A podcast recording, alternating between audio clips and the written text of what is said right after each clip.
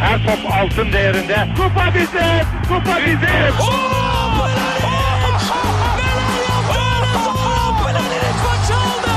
Dengeli de attı. İsabeti de buldu. Matta Fontervi. Zora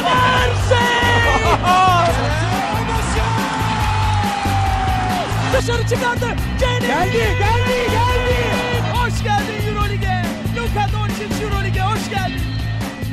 Bir başka Euroleague Podcast'i ikili oyunun 3. bölümünden herkese merhaba. Ben Serkan Mutlu. Mikrofonun diğer ucunda her zaman olduğu gibi Tancan Fümen ve Ali Aktin var. Merhaba çocuklar. Merhaba. Selamlar. Ee, bu hafta Euroleague'in 19 ve 20. haftasını konuşacağız. Bildiğiniz gibi geçen hafta her takımın ikişer maç oynadığı hızlı geçtiğimiz bir haftaydı. Ee, o, o nedenle maçları tek tek konuşmak yerine takımları sırasıyla geçeceğiz. Daha sonra genel bir değerlendirmemiz olacak. Ee, bir iki transfer haberimiz var. Ee, bir tane de transfer dedikodumuz var. Gündem yoğun anlayacağınız. Hazırsanız başlıyoruz.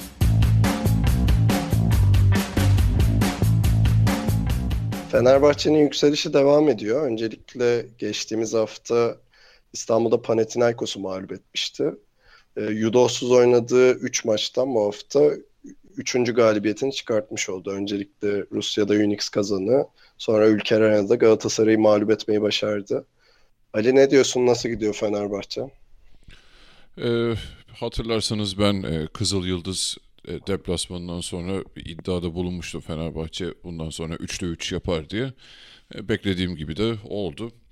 Ee, Bomba tüyolar için Ali'yi takip etmeye kupon yapsaydım gayet güzel olacakmış.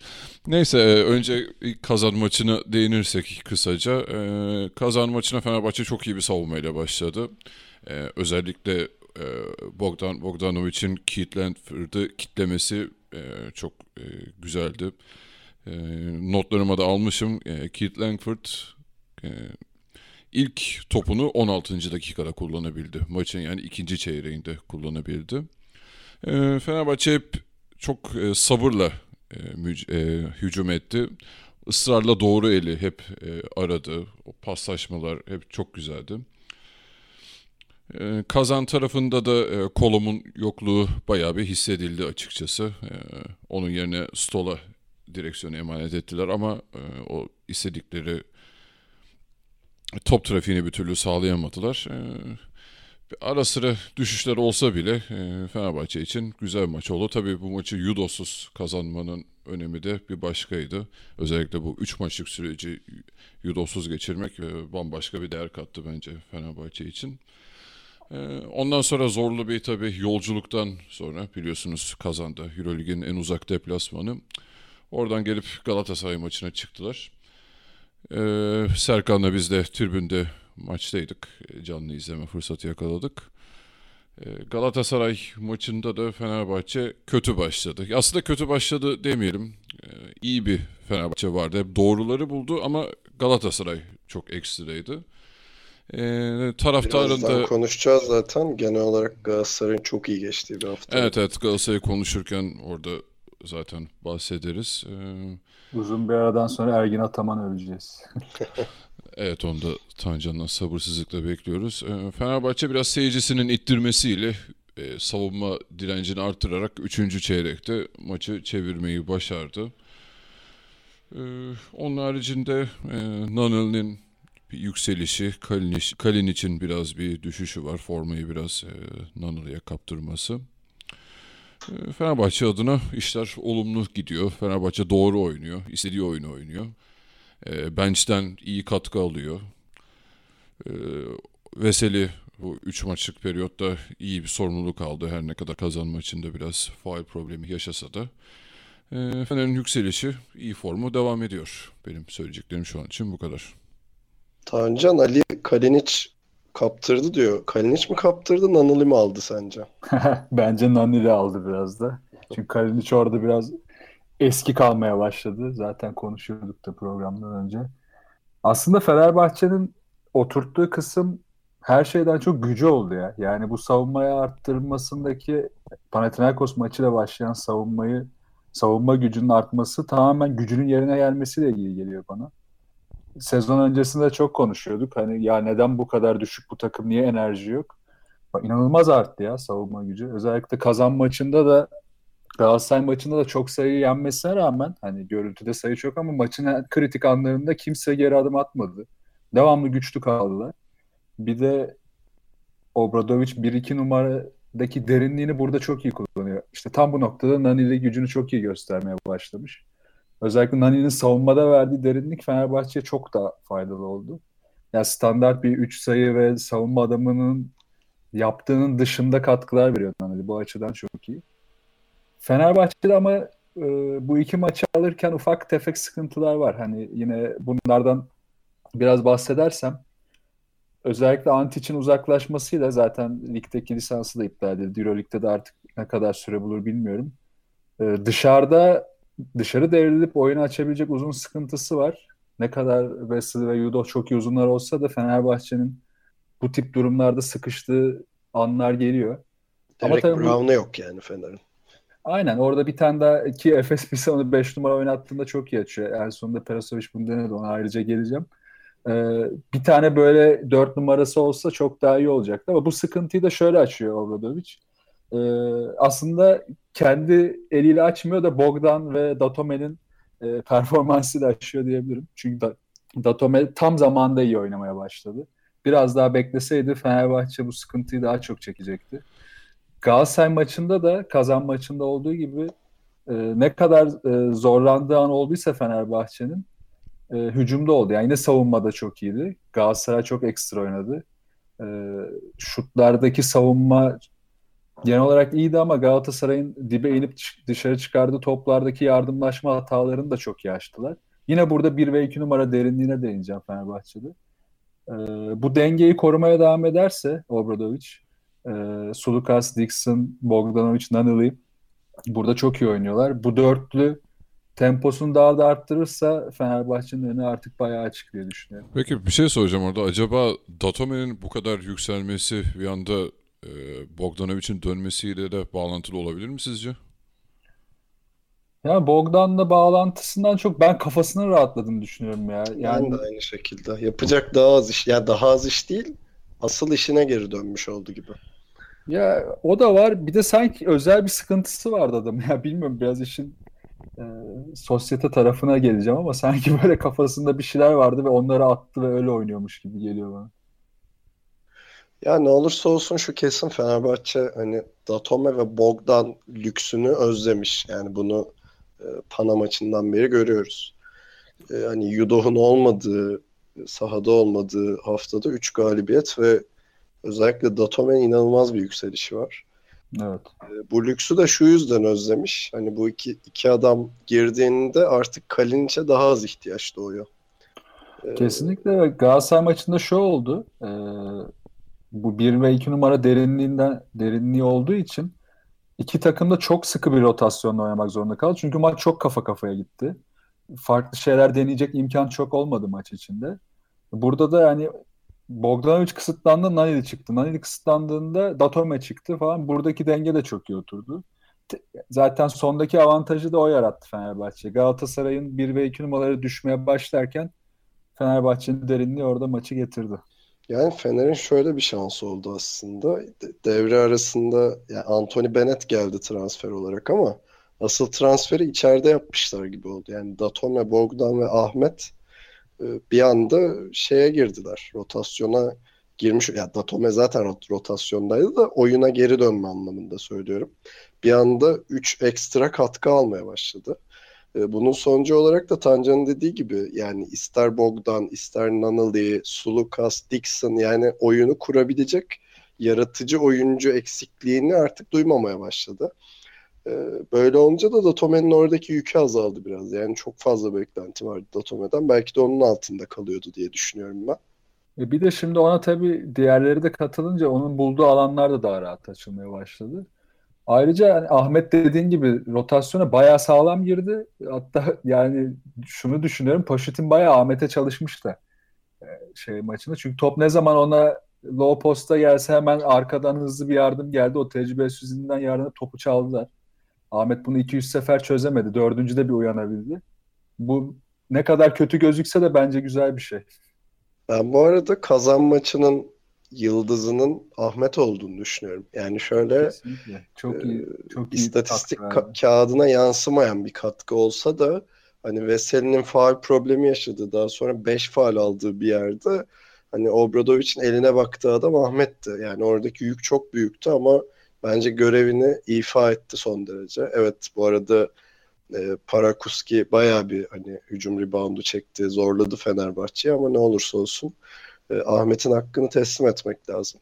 Poşeti benim- zaten orada bayağı zar attı ya. Yani Parakuşki'yi çıkarsa maç bitecekti Fenerbahçe için. Çıkarmadı. Sonuna kadar da valla 4 faalle çatır çatır. Evet, oynadı. 5. faali bir türlü aldıramadı Fenerbahçe.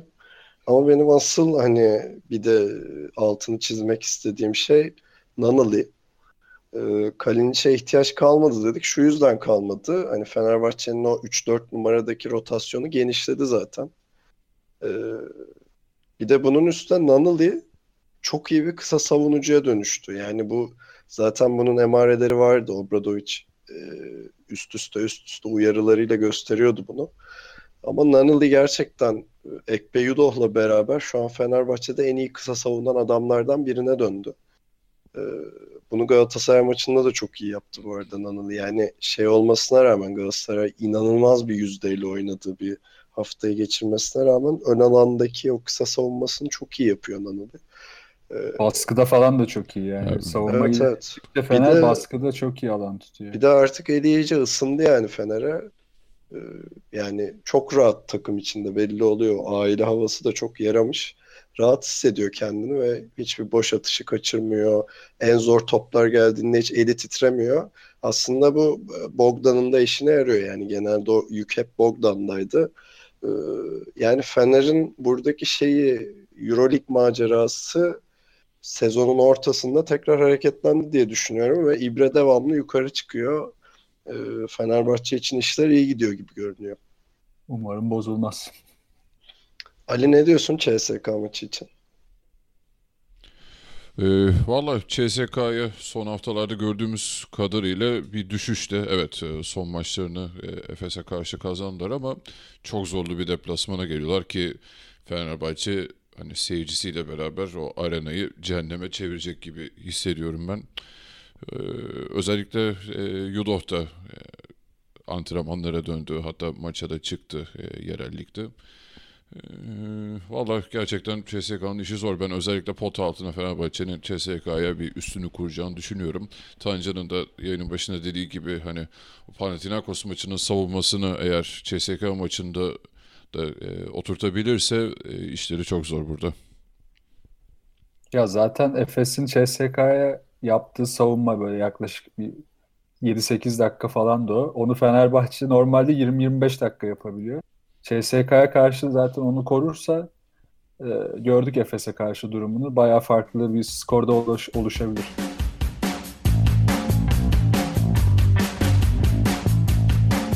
Fenerbahçe'den sonra Galatasaray için de iyi bir haftaydı. Önce Abdi İpekçi'de Maccabi'yi gerçekten inanılmaz bir oyundan sonra farklı yendiler. Ee, Daha sonra Ülker Arena deplasmanında özellikle ilk yarı mükemmel bir performans gösterdiler. Ee, Farkı da bayağı açmalarına rağmen e, sahadan yenik ayrıldılar. Tancan burada seninle başlayacağım. Katılıyor musun Galatasaray'da İbre'nin yukarıda o Ikori'yi gösterdiğine?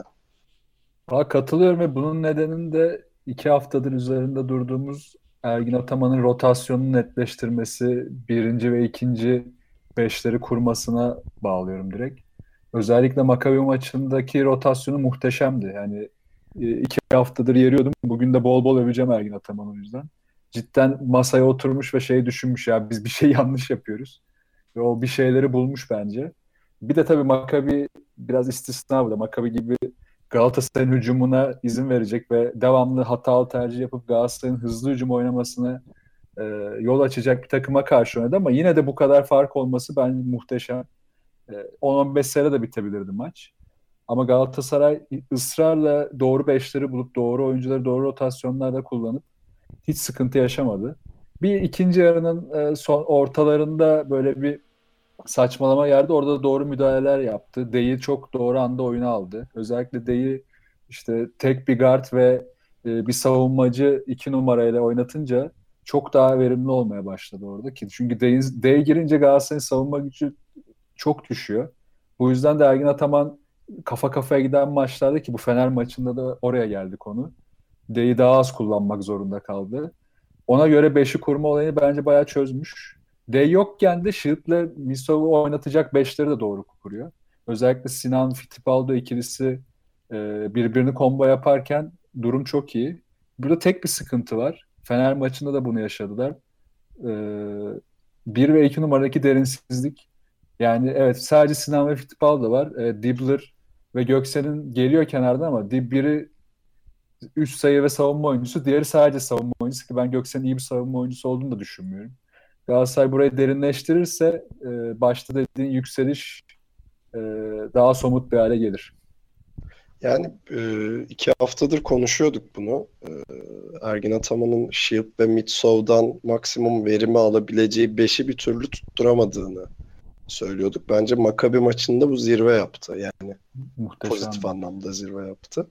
Zaten Shield ve Mitsov'dan verim aldığında e, eli çok rahatlıyor. Çünkü e, Fittipaldo ve Sinan'ı birlikte oynatmama e, lüksüne kavuşmuş oluyor ki e, maçın e, çoğunluğunda Fittipaldo ve Sinan ayrı oynadılar.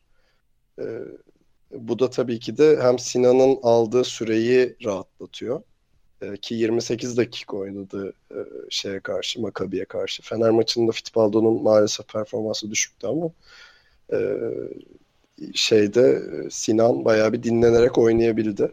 İşte orada biraz e, Obradovic elinin güçlü olmasını iyi kullandı ya. Fittipaldo'yu düşürürsem zaten Sinan'ın yorulacağını biliyorum diye düşündü bence ve direkt onun üstüne oynadı. Ki zaten Sinan bakıyorum şimdi Makabi'ye 28 dakika oynarken Fener'e 35 dakikayı da geçmiş. Hatta yanlış hatırlamıyorsam bir pozisyonda bence oturdu oturduğu gibi kalktı. Yani Fittipaldo hemen faal yaptı. Tamam tamam tekrar gir diye işaret yaptı. Ee, yani Makabi maçı inanılmazdı zaten. Ergin Ataman söyledi. Sanırım Bagatskis e, kutlamak için gittiğinde ben böyle şey görmedim falan demiş. Yani inanılmaz ritim buldu Galatasaray. Can Dibbler 7'de 6 üçlük atmış. Ee, yani sharpshooter e, şeyini formunu buldu orada. Ben Ergin Ataman'ın şunu da doğru yaptığını düşünüyorum. Zaten hani genel olarak takım kurgusuna dair hani hiçbir yanlış yok. Gayet iyiydi işte Gadılak'ı sorumsuz dış atışlara ittiler. Ee, onun dışında her şeyi çok doğru yaptılar ama bence asıl doğru yaptığı şeylerden biri şuydu. Mesela belli bir fark olunca hani 15-20 farktayken atıyorum Can Korkmaz'ı oyunu alıp rotasyonu biraz daha hani genişletebilecekken takımına özgüven kazandırmak için hiç hız kestirmedi. Bence doğru da yaptı. Ee, bunun sonucunda maç 102-63 e, gibi bayağı neredeyse 40 sayıyla bitmiş oldu ama Galatasaray gerçekten bu özgüvene ihtiyacı vardı açıkçası. Yani takım olarak moralleri çok yükselmişti.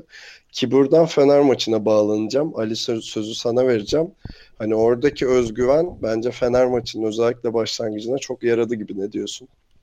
E kesinlikle hani Galatasaray hani Maccabi maçında ben de kısa bir şey söylemek gerekirse e, hani Galatasaray için bir e, iç saha maçında her şey doğru giderse nasıl olur diye bir soru sorsaydık işte Maccabi maçı gibi olurdu. Hani e, kesinlikle mükemmel bir maçtı. Maccabi de çok erken havlu attı yani ikinci çeyrekte dağıldı zaten. Üçüncü çeyrekte de tamamen maçtan koptu. E, Galatasaray e, tabii şey avantajını kullandı burada. E, ilk maçı kendi evinde oynadı. İkinci maçta da yine İstanbul'daydı yani bir deplasmana gidip gelmedi.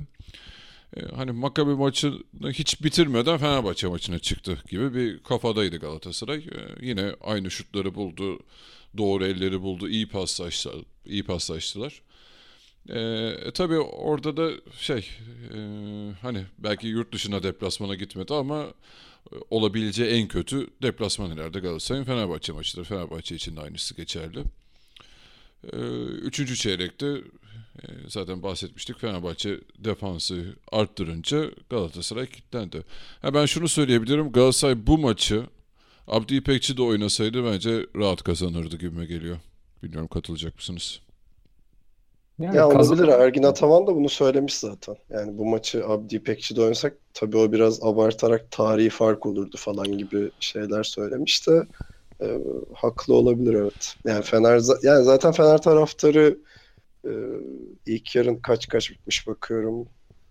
E, 54-41 13 sayıyla bitmiş ama Fener taraftarının hani Fener'in geri döneceğine dair inancı zaten. Ki Ergin Ataman da bunu bekliyordu herhalde. E, bunun üzerinden biraz eleştireceğim kendisini az sonra ama Tancan sözünü kestim. Sen devam et istersen.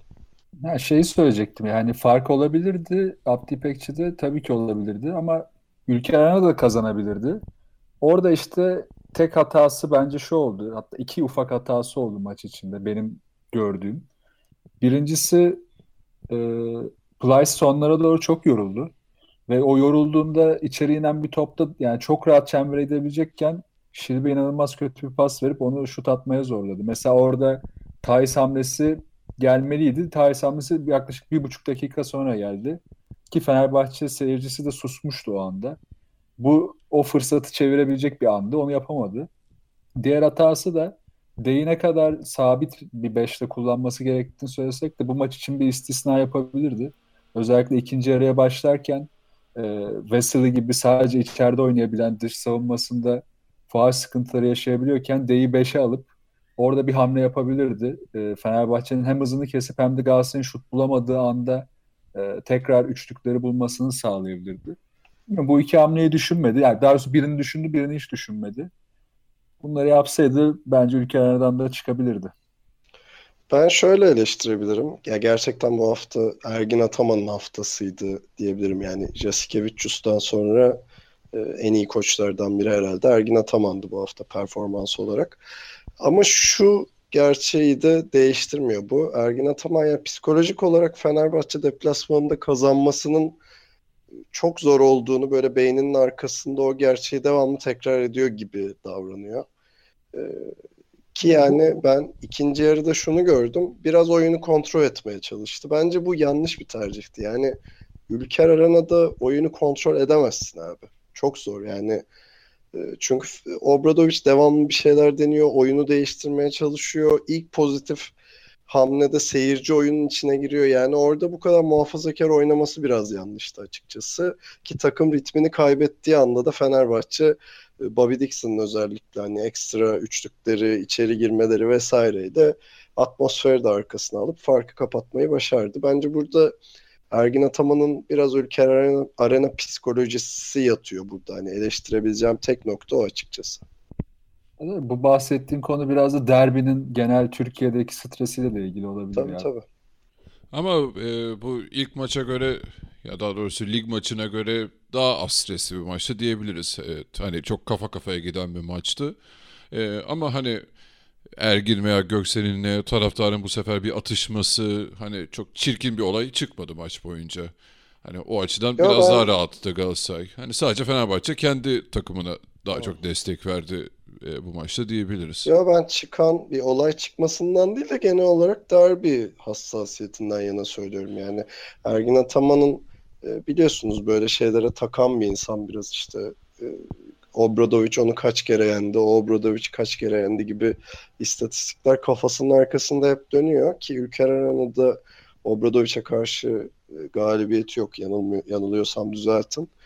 Ee, hani orada biraz o psikolojiye yenildi gibi geliyor bana yani o muhafazakarlığıyla ki e, ilk yarı gerçekten Fener'in oyununu çok bozmuştu. Yani özellikle Veseli'yi e, pick and roll savunmasında bayağı şey şaşırttılar. Üst üste bomboş e, üçlükler attılar. İşte Blake Shield özellikle hem dış atışlar buldu, içeri girdi, her şeyi yaptı ama ikinci yarı o planlar biraz suya düştü. Ee, belki de Tancan sen hep diyorsun ya maç önü planını hep çok iyi yapıyor ama evet. maçın ortasında tökezleyebiliyor. Belki de bunu yaşadığı maçlardan biriydi Galatasaray. Biraz öyle oldu sonlara doğru özellikle. Burada bir şey daha sormak istiyorum. Ee, ilk yarıda hani Fenerbahçe'nin e, oyuncu bazında hani biraz da e, enerjisinin düşük olduğunu söyleyebiliriz. Böyle toplara belki yeteri kadar saldırmadılar. E, özellikle dış atışlarda. Ee, orada sizce Obradoviç de biraz e, hatalı bir savunma izlemedi mi? Hani Galatasaray e, çok topu dolandırmaya başladı. Ama Fenerbahçe hep ikili sıkıştırmalara gitti. Bu ikili sıkıştırmalardan çıkan Galatasaray e, boş eli çok buldu. Hani ben orada biraz e, acaba Obradoviç hani adam adamı mı dönse bu kadar e, ikili savunmadan vazgeçse mi diye düşündüm orada açıkçası. Orada bence sıkıntı şu oldu. Ee, savunmada ilk yarıda zorlandığı alanlar Fener'in özellikle mesela Ergin Ataman'ın işte yine maç öncesine geliyoruz. İlk dediği şey şu olmuş. Bol bol drive edin. İçeri girin, savunmayı içeriye gömün ve mutlaka topu e, zayıf taraftan gelecek yardım tarafına çevirin. Burada çok iyi döndü. Buna hiçbir çözüm bulamadı Fenerbahçe. Dediğin durumlarda hani yarı sahadaki baskıda ikili sıkıştırmalarda çok zorlandı Fener. Bence bunu şöyle açtı sonra Obradoviç. Özellikle sonlara doğru savunmayı yarı sahadan tam sahanın aslında 4'te 3 sahaya kadar itti. 4'te 3'e itince yorulan Sinan ve Fittipaldi orada saçmamaya başladılar. Hatırlarsanız zaten üst üste top kayıpları geldi orada.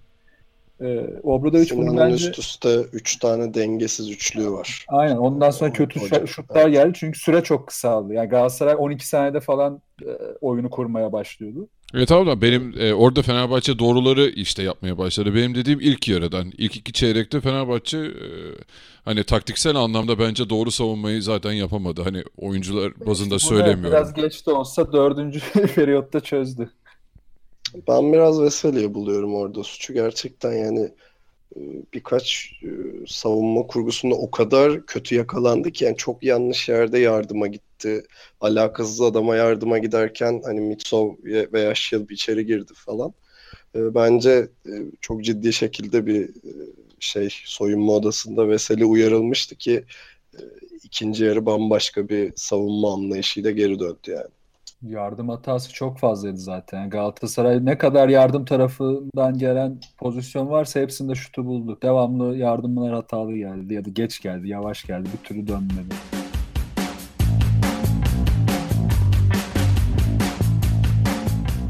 Anadolu Efes bu hafta zorlu bir virajdaydı. Öncelikle İstanbul'da Darüşşafaka Doğuş'la karşı karşıya geldiler. Daha sonra Rusya'da CSKA Moskova deplasmanına gittiler. Ee, ikide birle kapattıkları bir haftaydı. Daçka'yı yenmeyi başardılar. Tancan senle başlayacağım. Nasıl analiz ediyorsun Efes'i? Efes'e nasıl analiz ettiğimden önce ya bu bu kadar erken hücumun devri olan bir dönemde özellikle NBA'de izlerken bu maçın başı erken hücum nasıl oynanmaz? İki takım da bize onu gösterdi. Yani gerçekten rezaletti bir 5 dakika. Böyle top All-Star maçı gibi bir oraya gidiyor, bir Panya'dan geri geliyor falan bir şeyler oldu. Bayağı zayıftı yani maçın başı. Ee, Efes tarafından başlarsak Efes'te aslında e, maçın kazanması dışında hoşuma giden iki şey vardı. Birincisi Hörtel ile Perasovic bir şeyde anlaşmışlar. E, Hörtel demiş ki abicim sende top kalacaksa e, kalsın ve sen kullan. Bunu artık son 2 saniye 3 saniye kala başkasına verme. Hörtel özellikle hücumlarda elinde kalan topları hep böyle kullanmaya çalıştı. Bu ne kadar e, olumsuz olsa da eğer Hörtel'le oynayacaksa e, doğru. Böyle oynanmalı. İkinci konu da e, Efes Pilsen'in e, özellikle tabii Daçka'nın da burada zayıflığını kullanarak bunu yaptı ama birebir savunmada çok iyi çalışmışlar. Bu maçta çok iyiydi birebir savunma. Ki zaten Darüşşafaka'da devamlı birebiri zorlayan e, katları hep e, boş katları ya da backdoor katları hep sonradan aklına getiren bir takım olduğu için özellikle sonlara doğru burada çok rahat etti Anadolu Efes. E, bu iki konu Efes Pilsen, Anadolu Efes açısından çok hoşuma gitti. Bir de şu Efes Pilsen olayına alışamadım ya. Bu nasıl olacak ben, bilmiyorum. ben de bayağı söylüyorum. Ka- kaç sene oldu hala dilim gitmiyor. Neyse. Ee, bu açıdan Ef- Anadolu Efes'i çok e, beğendim. Onun dışında CSK maçına da değinirsem e, Darüşşafaka'nın Efes Pilsen'e sağladığı savunma avantajını tabii ki CSK sağlamadı. Ama buna rağmen Anadolu Efes maçın çoğunluğunda CSK'nın yapıp kendi yapamadığı e, birçok şey olmasına rağmen aslında iyi savunma yapmaya çalıştı. Bu da olumluydu. Peki burada ne hatalıydı? Ya Perasovic'in ben şeyini anlayamıyorum. Şimdi hücumda silahlarımız belli. Bu silahların nasıl kullanılacağı belli. Ama her ne hikmetse bunlar hep yanlış oluyor işte. Mesela Derek Brown oyundayken artık e, Austin Day'de olduğu gibi biraz daha ona uygun bir 5 kullanmak zorundayız. Çünkü Derek Brown yanında 4 atıcı varken oynayamıyor. Yani Brandon Paul, Hurtel ve Granger'ı yan yana koyduğumuz zaman Derek Brown olmuyor artık. Yani bunu görmek için çok da alim olmaya gerek yok. E, Deşan Thomas oyundayken onu e, özellikle tepe drive'larından sonra dibe koymalıyız ki o boş şutları cezalandırsın. Ama biz ısrarla Deşan Thomas'a yukarı top verip e, drive etmeye falan zorluyoruz ki CSK bunların hepsini cezalandırdı. Ya topu çaldı ya çaldıktan sonra hızlı hücumla bitirdi. Ya buradaki sıkıntıların artık e, çözülmesi lazım. Bu noktadan sonra çözülmeyecekse ki bu hafta Anadolu Efes için büyük avantajlı. Özellikle Darüşşafaka'yı yendiği için hala ilk 8'in içinde kalma şansı var. Artık bunu çözme vakti geldi. Bir de ufacık bir Alex Kirk'e değineceğim hemen. Ee, Alex Eyvah. Kirk gibi Alex Kirk gibi bir adamın enerjisi çok güzel. Ee, iyi enerji veriyor. Güzel, hoş. Ee, dışa devrilebiliyor. Ne kadar şut tehdidini göstermese de. Ya peki Ahmet'i niye yolladınız abi? Hani Ahmet böyle oynayabilecekse başta onu tutsaydık. Yani gerçekten anlam veremiyorum buna da. Abi Okben'i niye yolladılarsa o yüzden herhalde. Ya o konuya haberlerde haberler Efes Pilsen'in 20 yıllık altyapı skandalı diye girelim o konuya zaten haberlerde. Ali sen ne diyorsun? Benim bir görüşüm var. Yani Efes'in bazı hastalıkları var. Yer yer bu hastalıklar ortaya çıkıyor ama tedavi ettikleri takdirde kazanmayı biliyorlardı açık karşısında. Böyle olmuştu. CSK'ya karşı da yer yer gerçekten çok kötü oldukları yer yerde doğruları yaptıkları anlar vardı. Ki 2'de 2'de yap, yapsalar şaşırmazdık. Bayağı zorladılar CSK'yı. Senin için nasıldı Efes bu hafta?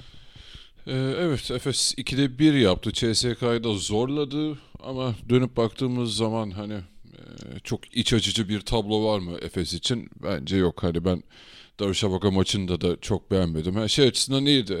E, Derek, yani düşüşe geçmiş olan Derek Brown ve e, Hanikat biraz daha hareketlendi Darüşşafaka, Darüşşafaka maçıyla ve CSK maçında hatta daha da iyi performans sergilediler. E, ama hani e, bazı anlamlarda da e, bir yaptığı bir yaptığını tutmadı Efes'in. Yani şu var şimdi e, istatistiklere özellikle bakınca e, Darüşşafaka maçında iyi oynayan bir top kullanan bir Brandon Paul vardı. E, hatta maçın en skoreriydi Efes için. E, CSK maçında hiç top kullanamayan bir Brandon Paul vardı. Yani bakıyorum kaç top kullanmış? İki. Yani kaç haftadır bu adam Efes için 20 küsür sayı atıyor. E, ki hatta bunu da ben eleştirmiştim. Hani durup dururken bu adam e, bir anda çok fazla kullanmaya başladı diye. Ama madem böyle bir role büründü Efes içerisinde. E niye CSK maçında bunu hiç kullanmadı Efes? E diğer taraftan Tancan'ın dediğine de katılıyorum. Deşan Thomas'ı bir diğer ana atıcılardan biri yani cezalandırıcı bir e, üçlükçü ama onu da hiç kullanamadı. E, zaten bir noktadan sonra da Hörtel'in yine kendi solo şovuna döndü yani CSK maçı. E, işte hani Darüşşafaka maçında bu biraz daha düzelmiş gözüküyordu ama yine eski alışkanlıklar hemen hortladı. Ki Döşevka maçında bence Wilbeck'in sakatlanmasa e, biliyorsunuz hemen oyunun başında çok kötü düştü yere. E, Wilbeck'in sakatlanmasa Efes o maçı da alabilir miydi? Çok emin değilim açıkçası. Biraz daha farklı bir tablo izleyebilirdik açıkçası. Ee, İzninizle biraz spekülatif bir şey söyleyeceğim. Tabii ki. Ee, ya ben oyuncuların Perosovic'i pek takmamaya başladığını düşünüyorum Efes'ten. O hissediliyor ee, ya biraz. Yani gerçekten artık saygımı duymuyorlar. Nedir yani adamın yapmak istemediği ne varsa yapıyorlar maçın bazı bölümlerinde. Yani şunu söyleyeyim. Daçka maçının ilk çeyreğinde Efes 9 üçlük 7 tane ikilik denemiş. Aslında ilk bu yarı... söylediğin tam pardon araya girdim de bu söylediğin tam aslında benim dediğim sıkıntının çözümünü söylüyor. Yani ya ben diyorum yani oyun Perasovic bunu yapmıyor mu diye belki de söylüyor ve sallamıyor oyuncular. Dediğin doğru yani, olabilir o açıdan. E, gene notlarıma bakıyorum. İlk ilk şey yarı 14 üçlük 18 ikilikle bitmiş. E, buna karşı Daçka ki iyi atıcıları olan bir takım 27 ikilik 9 üçlükle bitirmiş ilk yarı. Yani e, zaten ilk yarı başa baş geçmişti de ya şöyle bir şey var. İkinci yarı gerçekten Efes değişti Daçka maçında özellikle ama hani ben artık Perasovic'i gerçekten bazı oyuncuların çok dikkate almadığını düşünmeye başladım. Çok saygı duymadıklarını. O yüzden spekülatif söylüyorum bunu. Ki CSK maçında da gördük bunu yer yer. Yani e, kaç kere konuştuğumuz sorunlar aynen devam ediyor. Ki maça iyi başladı CSK karşısında. Boyalı alanı çok iyi kullandılar üst üste e, çok iyi sayılar buldular, öne geçtiler vesaire. Hatta Cedi hariç üçlük deneyen yoktu. Zaten Cedi'yi daha sonra çıkarttı. Ee, ben orada oyuncularla Perasovic arasında böyle bir uyum sorunu olduğunu ortaya çıktığını düşünüyorum. Ki CSK maçında da o disiplinden koptukları anlar oldu. Bir ara gene üst üste üçlükler deneyip başarısız oldular ki hani Granger'ın çok iyi oynadığı bir dönem vardı. İşte içeri girdi, drive etti vesaire ki e, Ali senin dediğinin cevabı da şurada bence. Hani Brandon Paul e, Daçka'ya karşı böyle oynarken CSK'ya karşı niye böyle değildi dedin. E çünkü Itudis yani o ön alanda inanılmaz baskı yaptırdı takımda. Zaten CSK o işi çok iyi yapıyor. E, hani e, çemberi savunma konusunda sorunlar yaşayabilirken e, ön alan baskısını gerçekten çok iyi bir yapan bir takım. Brandon Paul'a hiç top kullandırmadılar. Yo, ona ee, katılıyorum şey... ama sonuçta bunu 40 dakika yapmadılar. Özellikle CSK hani o vitesi 3. çeyrekte çok arttırdı. Aha. Yani CSK evet bunu yapıyorsa senin de buna karşı bir hamlen olmalı. O zaman e, Deşan Thomas'ı mı kullanacaksın? İşte Brandon Paul'u mu kullanacaksın? Kimi kullanacaksın? Yani bir türlü Aslında buna karşı hamle e, Tyler Honeycutt'tı bence. E, ki yaptı yani o işi. İçeri e, birkaç kere üst üste drive etti Honeycutt. E, hani atletik bir uzun e, içeri girdiğinde CSK için sorunlar yaratabiliyor. Yani ön alandaki baskıyı kırabiliyor. E, ki bunu yer yer yaptığı anlar oldu açıkçası. Hani benim ikinci sorun olarak gördüğüm, geçen hafta da konuşmuştuk bunu. E, bir Brandon Paul konusu devam ediyor. Yani şöyle gerçekten çok iyi bir şutör Brandon Paul ama hani Efes'teki e, sorunların ilacı değil. Yani Brandon Paul atıyor ama bu sefer Deşan Thomas duruyor. Hani ya da işte Derek Brown duruyor. Yani e, skor yükünü daha önce üstlenen oyuncular biraz daha geri plana atılmış. Brandon Paul öne çıkmış gibi bir durum oluştu ki bu hani zaten Efes'in asıl sorunu skor değildi ki. Efes'in asıl evet. sorunu haftalardır konuştuğumuz o yanlış hücum tercihleri işte şeyin Granger'la Hanikat'ın affedersiniz Hanikat dedim. Örtel'in hani oyun kurmadaki eksiklikleri, asist sorunu vesaire gibi bir hani bir e, şey problemler bulutu varken hani buna çare Brandon Paul değildi zaten bence. Brandon Paul orada biraz da belirsiz rollerin ortasına düşüp ya burada herkes kafasına göre takılıyor galiba. Dur bakayım ben bu işi hallederim deyip sanki ön plana çıktı gibi geliyor bana. Çünkü iki maçta da şuna dikkat ettim. Özellikle senin dediğin konunun üstünden gideceğim. Perasovic'le oyuncuların arasındaki kopukluk, yani oyuncuların Perasovic'e saygı duymamasının ikinci ayağı da saha içinde oyuncuların birbirine karşı bazı tavırları var gibi geliyor bana. Yani bir hızlı hücumda dikkat ettim. Hanikat özellikle hatta birkaç hızlı hücumda kesinlikle Hörtel'i bulmuyor. Yani biliyor ki dışarıda istediği şut atacak. Özellikle içerideki oyuncuyu bulmaya çalıştı birkaç kere. Ya da trailer gelen adam uzunu bulmaya çalıştı. Eğer bu da başlıyorsa bunun içinde tabii Brandon Paul da kendini oynamaya başlar. İki gün sonra Derek Brown da zaten bunu yapıyor. Kendini oynamaya çalışıyor. Şu anda yapamıyor. E, Deşan Thomas da oyuna girdiğinde bunu yapıyor, yapmaya çalışıyor ve yapamıyor. Bu böylece bir silsile olarak devam ediyor bu sorunlar. Bu arada ben de burada bir e, Serkan'ın söylediği konuya gelmek istiyorum. E, acaba oyuncular Perasovic'i sağlamıyor mu demiştin.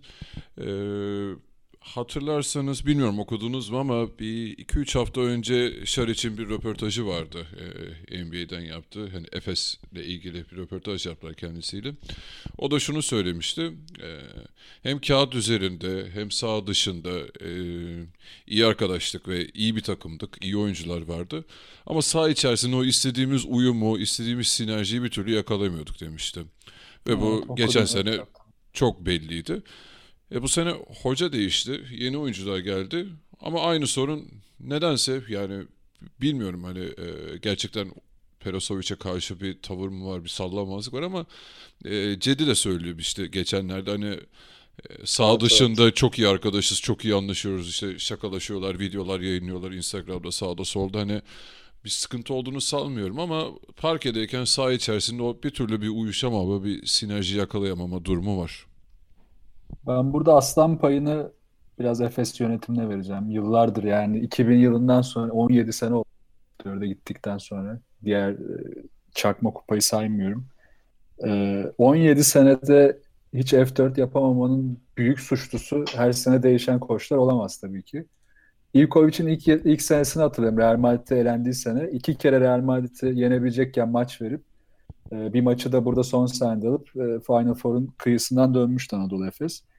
Bu kadroyu ben bayağı oturdum düşündüm. Özellikle hatta senin bahsettiğin Saric, Şaric röportajından sonra yani ne farklıydı? O takımda görev adamı daha fazlaydı. Daha e, birbiriyle takım mühendisliği içinde oturmuş, birbiriyle uyumlu kim atacak, kim tutacak, kim savunacak, kim ne yapacak daha belli gibiydi. Ki Ivkovic'in ertesi sene e, bu kadar hata yapması ve e, yanındaki çok kızdık Ivkovic'e ben hata yapmadığını yine söylemeyeceğim. Ama bu mühendisliği bozan yönetim devamlı işte daha çok adam, daha yıldız adam ama hiçbir uyum yok. Hiçbir mühendislik yok. Önce oyuncular alınıyor sonra koç geliyor. Ee, bunlar bu sıkıntılardaki en büyük aslan payını ben yine yönetime veriyorum.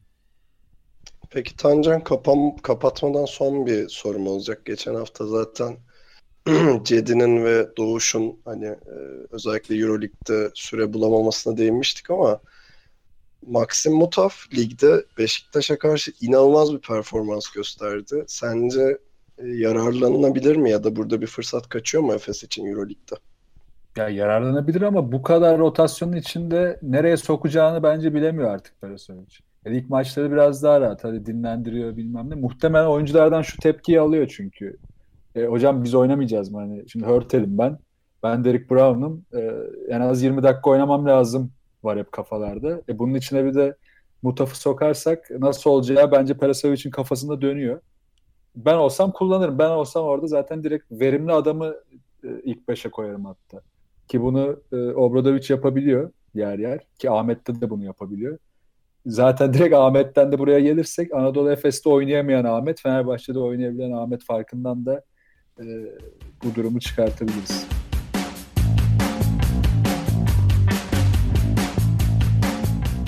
Geçen hafta kısa vadeli fikstür avantajından bahsettiğimiz temsilcimiz Darüşşafaka 2'de 0 yaparak hepimizi şaşırttı. Ee, hadi Efes maçının zorlu geçmesini anlayabiliyoruz ama Jalgiris'e karşı biraz sürpriz sayılabilecek ama aslında maçın analizini yaptığımızda pek de sürpriz ol- olmadığını göreceğimiz bir mağlubiyet aldılar ve 2'de 0 yaptılar. Ali sen ne diyorsun? Daçka işi zora sokmaya başladı mı? O Evet kesinlikle yani bundan sonra Darüşşafaka'nın işi gitgide güç. E, maç değerlendirmelerine gelirsek e, yani ilk bahsetmemiz gereken şey Wilbeck'in eksikliği ve bunun Darüşşafaka'ya inanılmaz bir şekilde yansımış olması. E, Efes maçının hemen daha ilk dakikalarında talihsiz bir şekilde e, bileğinin üzerine düşmüştü hatırlayacaksınız. Ee, yani Darüşşafaka, e, pardon, Wilbeck'in yokluğunda e, bütün iş tamamen Vanamaker'a kaldı. E, iki maçta da çok uzun süreler aldı. Hatta bakıyorum evet iki maçta da tam 37 dakika oynamış. E, Vanamaker e, Vanamaker'a destek olacak bir tane ekstra oyuncusu yoktu Darüşşafaka'nın. Hani kadroda Mehmet Yağmur ikinci maçta da Ender girdi de yani hiç doğru düzgün Mehmet oynamadı zaten. Ender de yine e, maça bile alınmadı. Ee, Ender de Doritos. Evet. ee, e, tabii bu yaratıcılık eksik olunca e, Darüşşafaka uzunlarını bence etkili kullanamadı.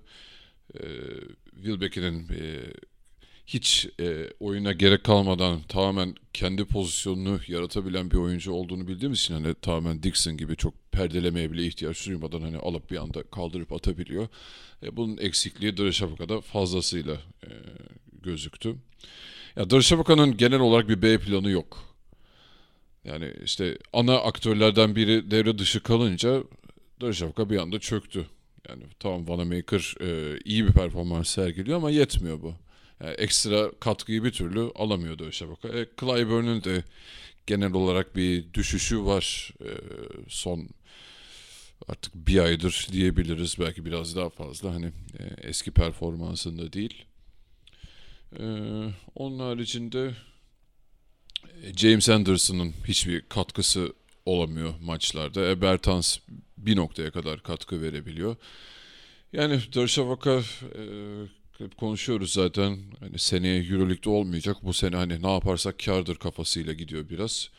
E, üst üste de transferler yaptılar. Bir Okben dalları onu konuşacağız zaten. Ama e, işler hiç iç açıcı gözükmüyor bence Darüşşafaka için. Tancan Ali'nin B planı olmadığı görüşüne katılıyor musun? Yani şu yüzden soruyorum bunu.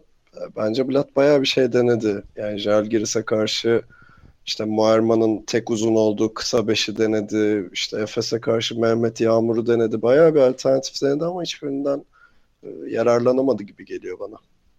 Orada bir B plansızlıktan çok ben oyuncuların Blatt'a cevap veremediğini düşünüyorum. Yani Blatt dediğin gibi bir şeyleri istiyor. Şeyleri yönlendirmeye çalışıyor ama oyuncular buna cevap veremiyor. Hani oradaki Efes, Anadolu Efes'teki Perasovic oyuncular dengesizliğinde benzer bir dengesizlik değil de herkes Blatt'ı dinliyor. Burada da tam tersi ama hiç cevap veremiyorlar. Özellikle Langford'da olduğu gibi Darüşşafaka'da Clyburn bütün takımlar tarafından çözülmüş durumda. Özellikle birebir oyunlarının hiç izin verilmiyor artık.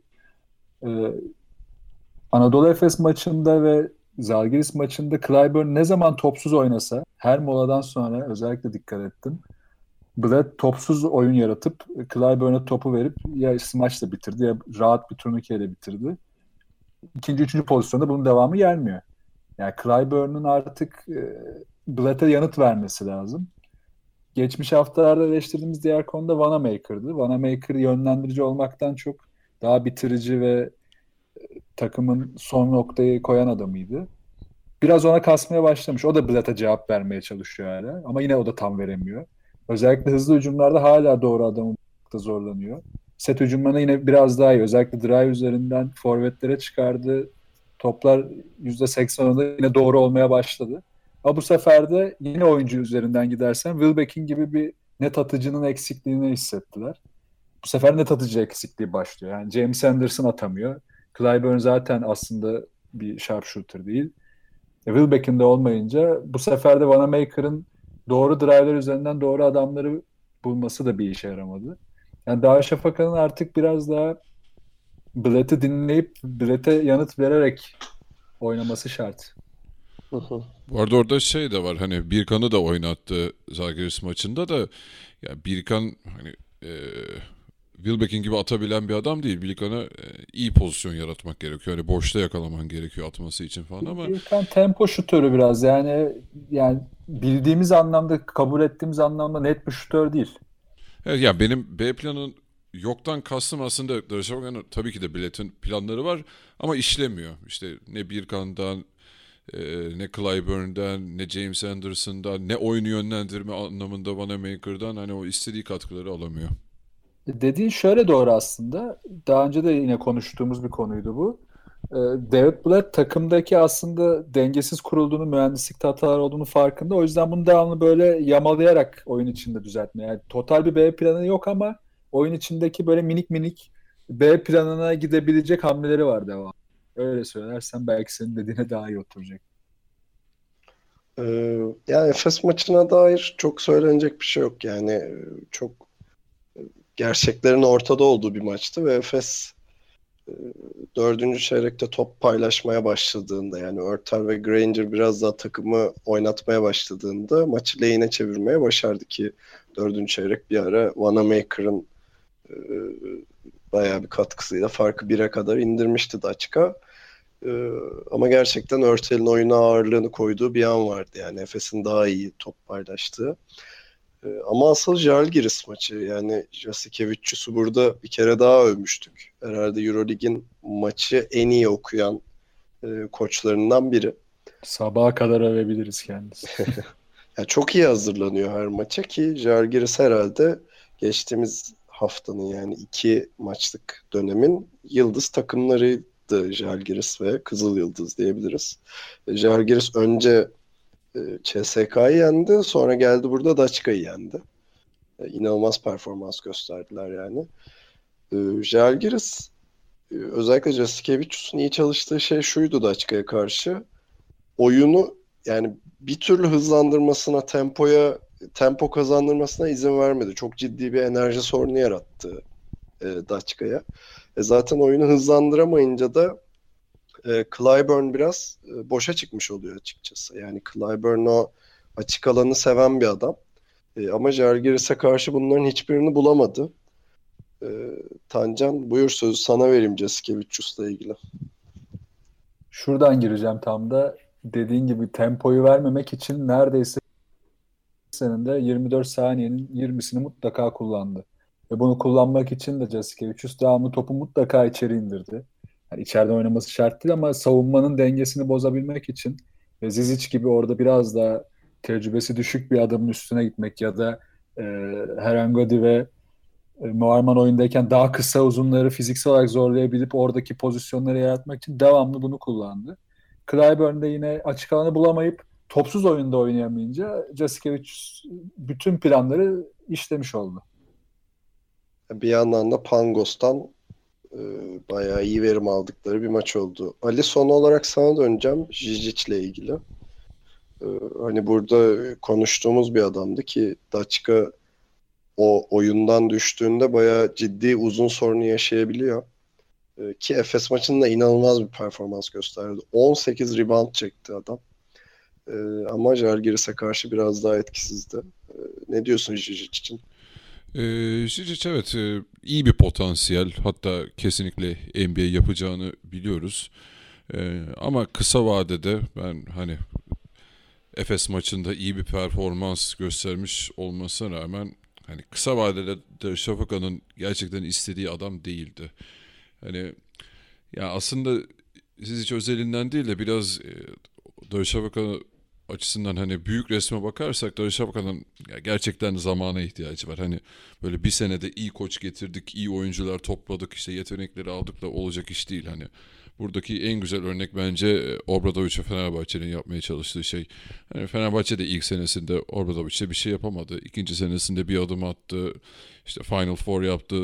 Sonra e, orada biliyorsun işte o Madrid'den o dayağı yedi. Sonra final yaptı. Hani adım adım gitti her şey.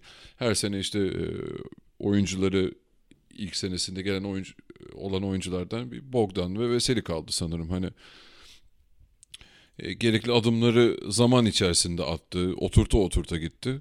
Ya Darüşşafaka da bunu e, eğer uzun vadede düşünürse bunları yapacaktır. Bilet zaten bunu yapabilecek kapasitede bir koç. Ama diğer taraftan bakıyoruz e, seneye Darüşşafaka Euroleague'de yok açıklaması var. Ve yani kimse de çıkıp medyada bunu açık açık konuşup tartışmıyor. Hani herkes bu sene ne olacağını daha çok kafa yoruyor. Yani seneye zaten siz hiç büyük ihtimalle Darüşşafaka'da olmayacak gibime geliyor. Hele hele, hele Euroleague'de yoksa. Yani diyecek. Ya o konuda ufak bir teorim var.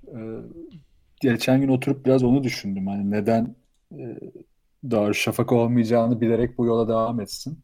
Euroleague yönetimiyle şöyle bir şey konuşulmuş olabilir diye sallıyorum bir tarafından. Ee, yani Darüşşafaka bu sene biraz sponsorluklarla aslında ligde yerini buldu. Bir yatırım yaptığını gösterdi. Ee, ama bir yandan da Türkiye dört takımla katılmış oldu. Şimdi bizim zaten Avrupa'da en güçlü lig olarak İspanya ile e, bu bayrağı önde götürüyoruz. Şimdi İspanyolları da burada dengeyi sağlamak gerekirse işin siyasi yönüne girersek Euroleague yönetimi seneye İspanyolları dört takım oynatıp bir sonraki sene Darüşşafaka'nın da bu yatırımı devam ettirdiğini görüp ya da görmek istedi bilmiyorum yine atıyorum bir tarafından. Bunu görünce yani seneye değil de bir sonraki sene bence Darüşşafaka bu yatırımları devam ettirip yeniden Euroleague'de alabilir. O zaman da bütün bu sallamamazlık ya biz sene Euroleague'de yokuz ne yapacağız ile ilgili hiçbir şey konuşulmamasına bir yanıt verilebilirdi. Yani inşallah dediğin gibi olur da bir yandan onun yerine hani Türkiye e, liginde yani biraz daha hakkaniyetli bir şey olması adına ilk iki ya da ilk üçe yer verilmesi gibi bir şey söz konusu olsa daha iyi olmaz mı sizce? Ya şampiyonu almaları bence de mantıklı ama Euroleague artık şuna bakıyor. Yani şimdi Türkiye Ligi'nde de dün Beşiktaş da şampiyon olabilir, Galatasaray da şampiyon olabilir ve bu sene Galatasaray'da o yatırımın yatırım yapmanın dışında iyi yatırım yapmayı da istiyorlar anladığım kadarıyla. Oradan gelecek şampiyon bir takımın bu diğer iki takımdan Anadolu Efes'i Fenerbahçe'den daha altta kalması onları yine mutsuz edecektir. O topa da girmek istemiyorlar mı bilmiyorum yani.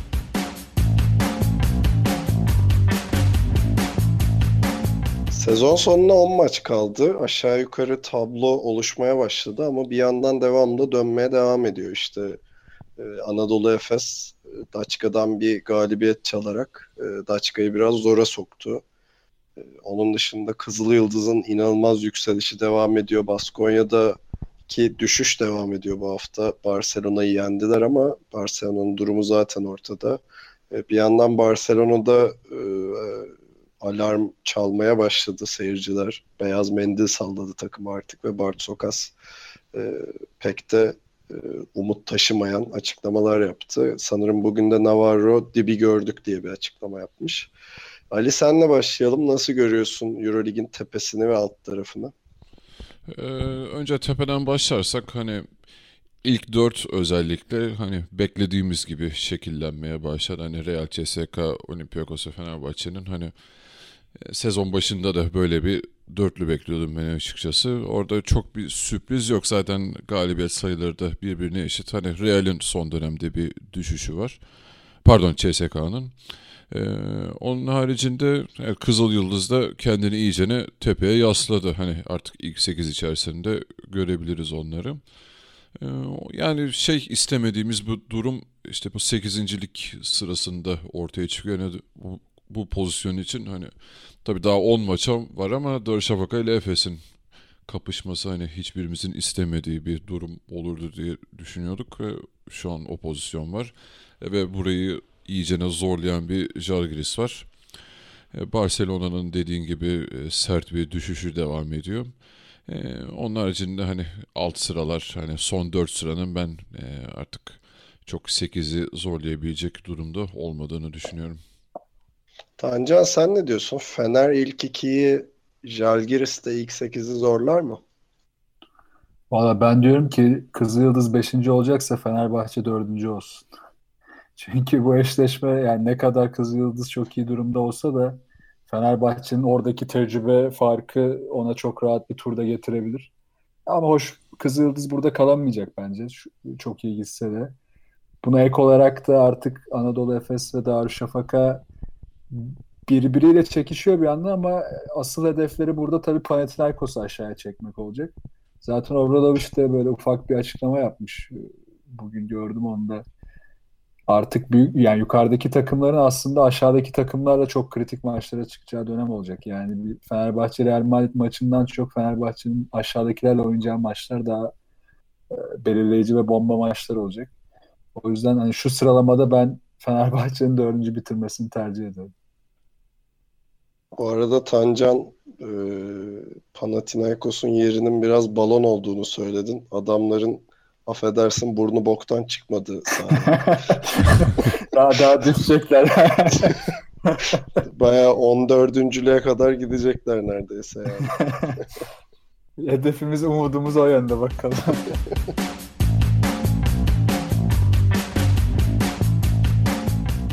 Galatasaray'da Fittipaldo'dan sonra bir transfer hareketliliği daha var. Bu sefer tanıdığımız bir ismin yani McCallum'ın geri dönüşü konuşuluyor. E, bildiğiniz gibi kendisi sezonun başında Çin'in North Control Beijing takımına transfer olmuştu. E, gördüğümüz kadarıyla takımı Çin Ligi'nin 17. sanırım. Dolayısıyla playoff şansı olmadığı için e, McCallum'un 19 Şubat'ta serbest kalacağı söyleniyor ki e, söylentiler McCallum'un Galatasaray'a geri döneceği yönünde 19 Şubat'ta ki o tarihte dönerse de Euroleague'de de oynayabilecek. Tancan ne diyorsun? Yani zaten Ergin Ataman'ın çok e, yakındığı bir şeydi McCallum'un gitmesi. E, geri dönüşünü nasıl değerlendirirsin? İşe yarar mı? Ya Ergin Ataman zaten e, ben mesela koç olsam tercih etmeyeceğim bir şey ama Ergin Ataman saha içinde böyle tüm yetkiyi verebileceği, bütün el yakan anlarda topu verebileceği oyuncuları çok seviyor. Ondan önceki adamı da Arao'ydu. Ama bu transfer bence çok doğru olacak Galatasaray için. Özellikle de Fenerbahçe maçı bunu gösterdi. Çünkü Galatasaray'ın 1 ve 2 numaradaki e, rotasyon derinliği çok düşük. Yani Fittipaldo ve Sinan iyi bir combo oldu. Birbirlerini yedeklediklerinde bu sefer 2 numara sıkıntısı başlıyor. Yani McCollum burada iyi bir combo guard olabilir ve ekstra vereceği en önemli katkı da şu olacak. Ne Sinan ne de Fittipaldo tepede screen'i yediklerinde yani screen'i çağırıp e, screen'e gelen adamın savunmasından işte show up'ı yediklerinde de ikili sıkıştırma yediklerinde asla e, bu savunmayı aradan delemiyorlar. Ve McCollum tam bunu yapabilecek adam. Geçen sene de bunun ışıklarını zaten vermişti ki Galatasaray'ı da yukarıya çıkarmada en faydalı hareketlerinden biri buydu. Yani boş attığı şutlardan çok. Bunu yapabilirse McCollum Galatasaray'a gelip o 1 ve 2 numaradaki derinliği Galatasaray'ın arttığı anda e, işler çok bambaşka bir yere gelebilir. O yüzden Ergin Ataman'ın ilk kez e, böyle bu tarzda bir adamla ısrar etmesini çok anlamlı buluyorum. Ergin Ataman ya, yanlış hatırlamıyorsam milli takımla yurt dışındayken McCallum'un evet. gittiğini söylemişti. Yani orada ben olsam tutardım gibisinden bir açıklaması vardı. Evet. Ee, hatırlayacaksınız. Biraz, evet abi pardon. Biraz yönetime orada sistemliydi evet. yani tutmak için hamle yapmadılar diye. Orada yani kendine de biraz hata buluyordu ama hani milli takımda olduğu için çok ilgilenemedim o konuyla hani gibi bir açıklaması vardı diye hatırlıyorum ben. Ki McCallum Eurocup MVP'siydi. Ee, bence yani gerçekten yazık oldu. Sezonun başında olsa Galatasaray Euroleague'de çok daha üstün bir performans gösterebilirdi. Özellikle hani Fittipaldo'nun gelmesinden de önce bir numarada çok büyük sorunlar yaşadılar. Ee, ben daha çok ligdeki durumlarını da rahatlatabilecek bir transfer olduğunu düşünüyorum Euroleague'den ziyade. Tabii bir de e, kalmış olsaydı Russ Smith ve Dentman gibi iki tane sorun da olmamış olacak.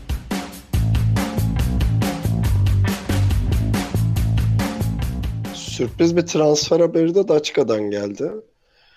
E, Euroleague'de de mücadele eden tem- temsilcimiz e, Yeşil Giresun'dan Okben Ulubay'ı kadrosundaki Metin Türen'le e, takas etti. Ki yani kağıt üstünde inanılmaz bir takas gibi görünüyor. Ali ne diyorsun? Ya evet e, hani bu sadece şey olsaydı e, bir kiralama modeli olsaydı daha mantıklı gelecekti ama bunun e, bir takasla hani tamamen Okber'in Darüşşafaka'ya gitmiş olması hani e, Efes severler için bir şok oldu herhalde yani e, hani Darüşşafaka açısından değerlendirirsek e, Wilbeck'in öncelikle sanırım daha kesinleşmedi ama bir, bir buçuk ay olmayacağı söyleniyor. E, o açıdan bakarsak ki hani Darüşşafaka'nın da diğer e, bench oyuncularından bir katkı alamadığını düşünürsek e, çok iyi bir transfer Darüşşafaka için. E, hazırda bir oyuncu. E, tabii işler tabii Yeşil Giresun için bence iyi değil. Hani orayı taşıyan bir oyuncuydu Okmen. E, onların açısından kötü oldu ama Darüşşafaka için süper. E, diğer taraftan e, Efes için de berbat bir haber. Hani nasıl böyle bir şey izin verdiler e, akıl alacak gibi değil. Tancan söz doğal olarak sana geliyor. Nasıl böyle bir şey izin verdiniz abi? ya ben zaten Alper'le konuştum abi ben. yani ben kiralık zannediyordum ya. İnanamadım yani. Furkan da e, bu sene öyle Banvit'e gittiği için sene başında hiç bakmadım bile ya. Dedim Okben'de Yeşil Girası'na kiralanmış. Ha güzel falan dedim bayağı bırakmışlar yani böyle bir saçmalık nasıl olabilir inanamadım. Tamam altyapı milli takımlarında çok izledik Okben'i. Yani çok istikrarlı bir şutu e, olmamasına rağmen çok fazla top kullanan, devamlı topu elinde seven, biraz böyle hani e, böyle bir altyapı efsanesi olmasına rağmen olan gelecekte olabilir mi şüphesi olan bir oyuncuydu ama yani potansiyeli belliydi. Ve Yeşil Giresun'daki patlamadan sonra o dedim çok güzel olacak ya artık e, hem Efes biz Anadolu Efes için hem de Türkiye için iyi bir oyuncu geliyor. O sırada Darüşşafaka aldı deyince ben bayağı şaşırdım yani. Darüşşafaka açısından gerçekten bence çok nokta bir transfer oldu. Hem iyi bir atıcı e, hem de Darüşşafaka'da olmayan e, forvetten top yönlendirme olayını yapabilecek bir oyuncu. Çok Aynen. genç. Tabii bunu ne kadar e, sürekli yapabilir çok şüpheli şu anda ama ısrar edilirse üzerinde birkaç sene içinde bunu çok iyi yapabilecek bir adam olabilir. Şimdi Okben e, şöyle bir söylenti var. Blatt'tan süre sözü aldığı söyleniyor öncelikle. E, onun dışında Euroleague'de oynamayı çok istediğini falan söylemiş. E, ama bir yandan baktığımızda oradaki rotasyonuna da çıkanın Clyburn Bertans, Birkan ve James Anderson var. Burada ne kadar süre bulabilir? Zaten orası biraz tartışmalı ama gerçekten de Daçka'daki o açığı iyi, kap iyi kapatabilecek bir adam en azından. Yani o e, kısa forvetten oyun kurma anlamında. Ama bir yandan da topu elinde isteyen yoksa da küsebilen bir oyuncu sizce Daçka'da o aşı tutar mı? Topu yönlendirirse alsın eline. Benim için sıkıntı yok. Ama her geleni atarsa zaten Blatt ona öyle bir sözü vermez. Yani oradaki söz şu olabilir. Ee, oyunda kaldığı sürece, Blatt'ın isteklerine uyduğu sürece, yani Blatt'le iletişimi kurduğu sürece zaten oyunda kalır. Blatt'ın öyle bir çok strict şeyleri yok yani. Rotasyon çizgileri yok.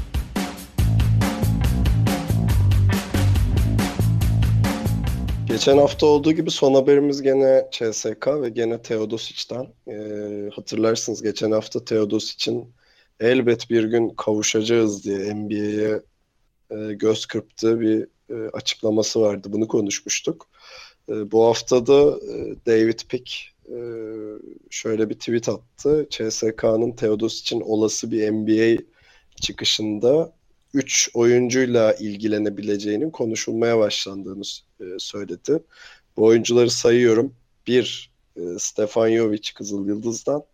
2. Toma Örtel Efes'ten. 3. Stefan Markovic Zenit'ten. E, tabii sat, ki sat, de... sat sat sat. Burada bize en çok 2 numaralı adam ilgilendiriyor. Ne diyorsunuz? Örtel'i davul zurnayla gönderiyor muyuz? Ali, Ali havaalanına götürecek. Ben de e, imzayı atana kadar başında oturacağım. Bundan sonra geri dönüş yok bu işin yani.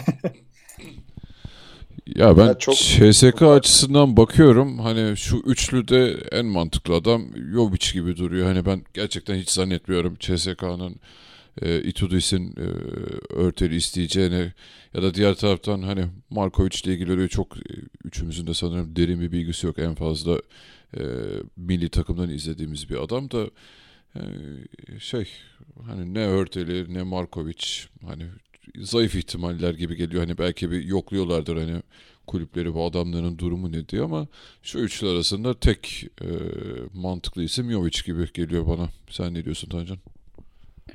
Bence de Jovic. Zaten Jovic Teodos için e, eksilteceği istatistiklere en yakın yani sayı değil ama e, özellikle rebound ve asist tarafında verebilecek adam. O yüzden bilmiyorum Hörtel'i getirip Dekolo'yu delirtmeyi düşünmez bence Hitchens. Bizi dinlediğiniz için teşekkür ederiz. Bizi her zaman olduğu gibi ikilioyun.com adresinden takip edebilirsiniz. Ee, gene sizden ricamız bizden haberi olmayan bir arkadaşınıza e, bize önermeniz. Belki onlar da sevebilirler. E, Hoşçakalın. Haftaya görüşmek üzere. Hoşçakalın. Hoşçakalın.